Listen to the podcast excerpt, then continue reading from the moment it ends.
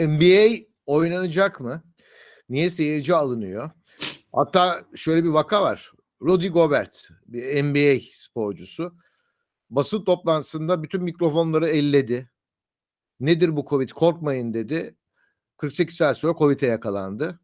Ve e, bir anda NBA karıştı diyebiliriz. Sonra kamplara alındılar. Tek bir merkezde oynandı. Ve benim küçüklüğümün takımıdır. Çok severim. Belki Jack Nicholson'ı sevdiğim için de aklıma geliyor. Los Angeles Lakers 17. NBA şampiyonluğunu kazanmış oldu. Evet. Yani 17. NBA şampiyonu. Los Evet. Angeles Lakers. Tabii hani Kobe'nin vefat ettiği yılda ekstra anlamlı oldu. Yani zaten hep ona adadılar o şampiyonluğu. Ee, hani NBA uzmanı arkadaşlardan anladığım kadarıyla bu yılın da en büyük favorisi yine Los Angeles Lakers. Kulakları çınlasın. Mete Aktaş e, Twitter'da anket yapmış. NBA şampiyonu kim olur diye. Şıklar Los Angeles Lakers, Los Angeles Lakers ve Los Angeles Lakers. Ben de şey yazdım. Los Angeles Lakers'ı unutmuşsun diye yazdım. Güzel yapmışsın. Tam bir Mert Aydın cevabı olmuş onu söyleyeyim.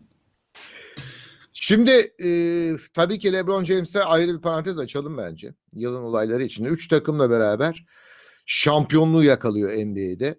Cleveland, Miami ve Los Angeles Lakers. Ee, Ne büyük ben- oyuncu olduğunu bir kez daha gösteriyor. Ya açıkça itiraf etmeliyim ki e, büyük bir oyuncu olsa da e, LeBron James'i son 2-3 yıla kadar çok fazla LeBron James'ten haz ettiğimi söyleyemem.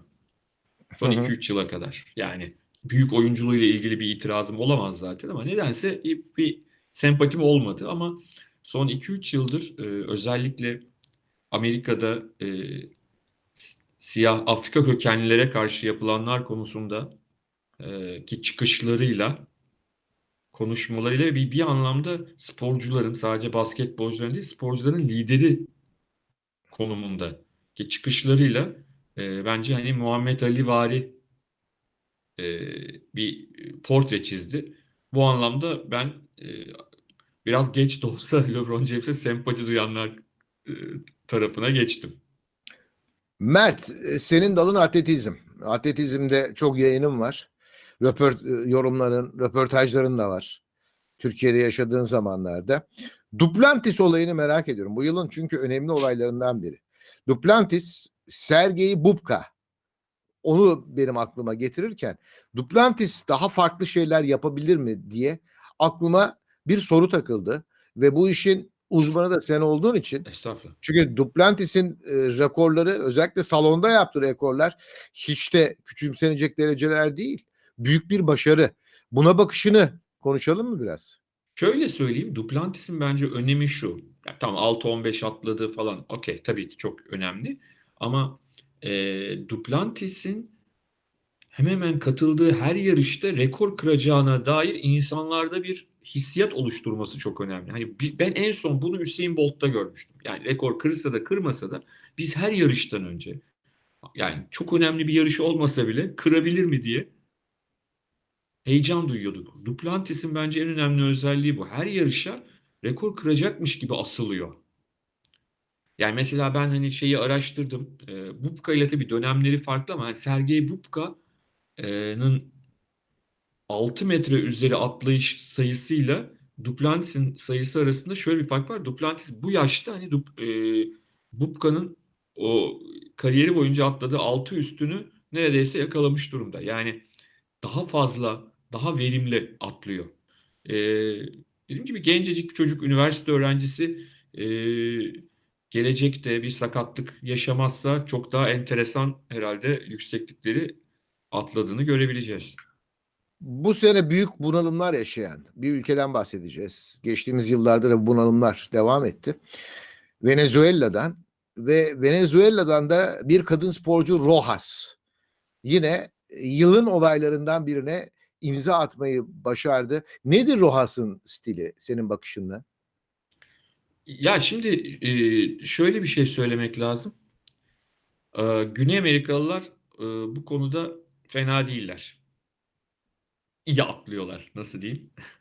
Özellikle Kolombiya'dan da ee, biliyorsun çok iyi isimler çıkıyor. Rojas da bunların devamı.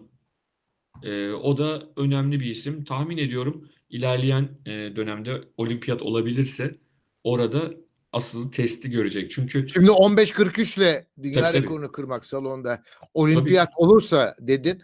Olimpiyat olduğu zaman tabii Orada- yarışlar birine bağlıdır. Bir olimpiyat şampiyonluğunun da habercisi midir? Yeni kolay, bir kolay habercisi onu anlatmaya çalışacağım. Yani çünkü olimpiyat oyunları herkesin heyecanla beklediği bir yarış. E, Rojas şimdi bunu tam 15.43 atladı. Bu arada e, dışarıda dünya rekoru 15.50.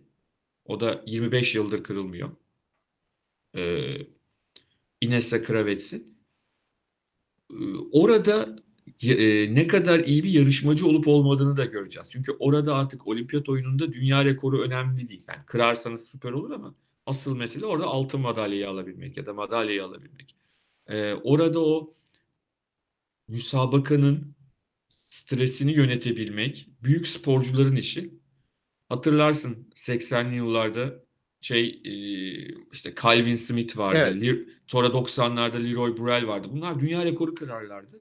Ama dünya şampiyonu, ya olimpiyat şampiyonu olamazlardı. O iş başka bir işti çünkü. Yani e, Rojas'ı Evet. burada test edeceğiz. Öyle söyleyeyim. İnşallah Tokyo'da. Meşhur bir söz var ya reklam sloganı test edildi onaylandı. Ee, Tokyo'da bu e, daha iyi onaylanacak gibime geliyor. Umarım. Şu var e, şimdi ben 1988'de Seul'de ritmik jimnastik anlattım. E, tabii ki ritmik jimnastiği iyi ya da kötü takip ettim ondan sonra. Anlattığım için. Kendi kendime şunu diyorum. Ya biz Türkiye'de de e, bu ritmik jimnastiği ön plana çıkartabiliriz. Başarılı olabiliriz. Ki bunu Türkiye bu sene bizlere gösterdi. E, bu benim için gurur kaynağı. Çünkü biz de artık jimnastikte madalya alıp şampiyon olabiliyoruz. Ve bir anda bu ortaya çıkmadı. Yılların çalışmasıyla ortaya çıkan, oluşturulan bir ekiple bu başarı geldi. Evet, şimdi jimnastik e, olimpiyatların üç ana dalından bir tanesi. Atletizm ve yüzme ile birlikte çok çok önemli bir dal. E, ve burada biz yıllar boyunca e, artistik jimnastikte de sonra ritmik jimnastikte de e, çok da büyük başarılar elde edemedik. Çok uzun yıllar boyunca. Çıkardık genç sporcular işte rahmetli Murat Canbaş belki trafik kazasında vefat etmese önemli yerlere gelebilecekti. Ardından Suat Çelen çıktı genç yaşta, küçük yaşta. Çok başarılı gidiyordu.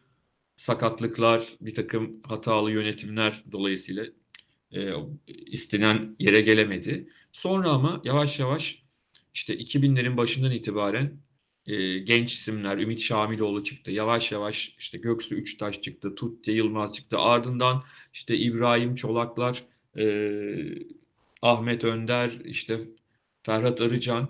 Hakikaten çok güzel bir grup oluştu. Bu grupta tabii ki Suat Çelen'in çok büyük bir önemi var. Çünkü e, demin de söyledim aslında dünya çapında bir jimnastikçiyken e, Türkiye'ye has talihsizliklerle e, o başarıları devam ettiremedi. E, ama Hı hı. hani sporun içinden gelen ama aynı zamanda iyi bir yönetici. O çok önemli. Hani biz hep şey diyoruz ya sporun içinden gelenler yönetsin. Ama sadece sporun içinden gelmek yeterli değil bunun için. Bu çok önemli bir husus. Ee, Sadece iyi sporun içinden yöneteceksin. gelmek. Tabii. İyi yönetici olacaksın. Evet, yani Suat Çelen bu ikisini bir arada e, tutmayı başardığı için de şu anda hakikaten e, harika bir ekibimiz var. Ritmik jimnastikte kızlarımız Avrupa şampiyonu oldu.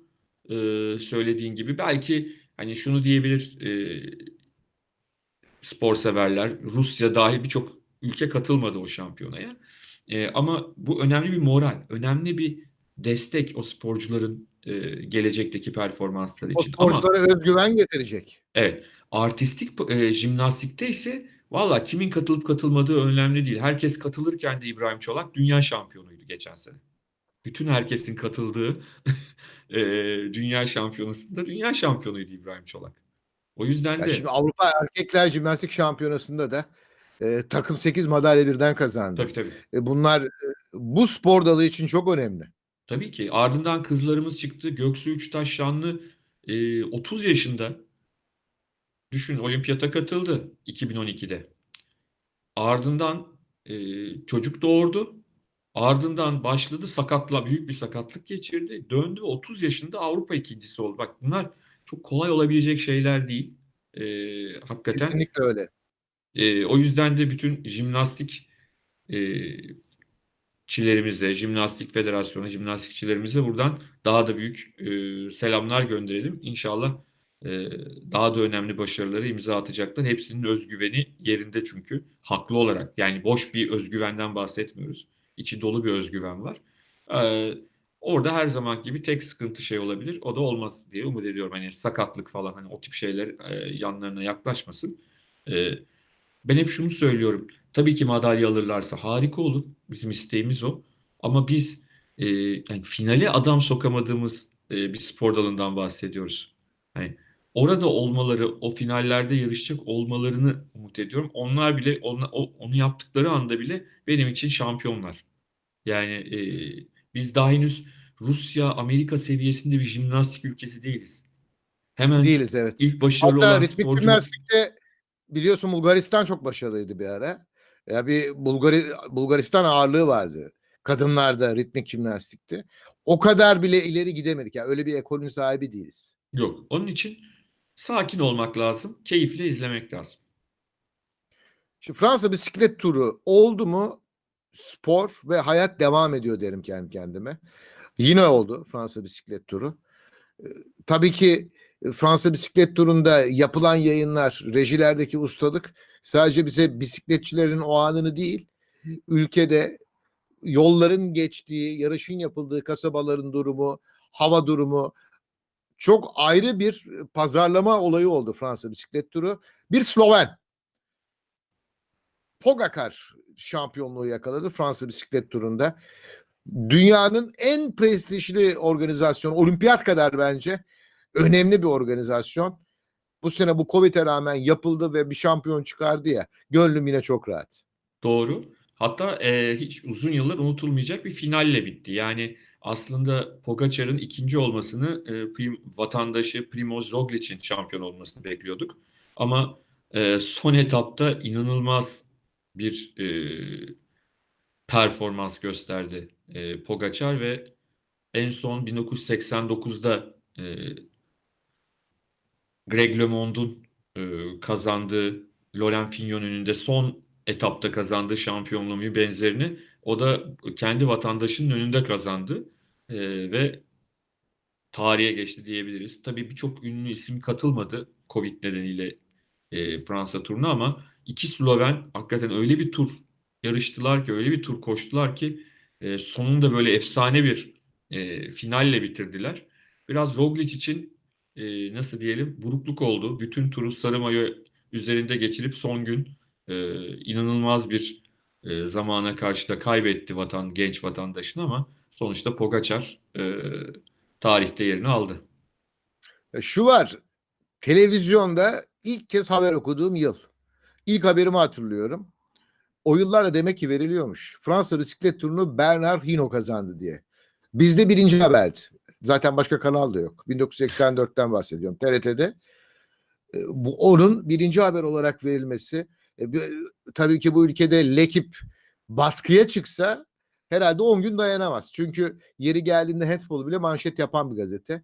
Ama TRT'nin Türkiye'de o yıllarda Bernard Hinault'un şampiyon olması ve birinci haber olarak girmesi şimdi düşünüyorum da böyle bir şey yapsan şunu söylerler. Hani Fenerbahçe, hani Galatasaray, hani Beşiktaş, Trabzonspor yok mu? Bu nasıl birinci haber diye düşünürler ve bu konuda da bayağı eleştiriler yapılır gibime geliyor.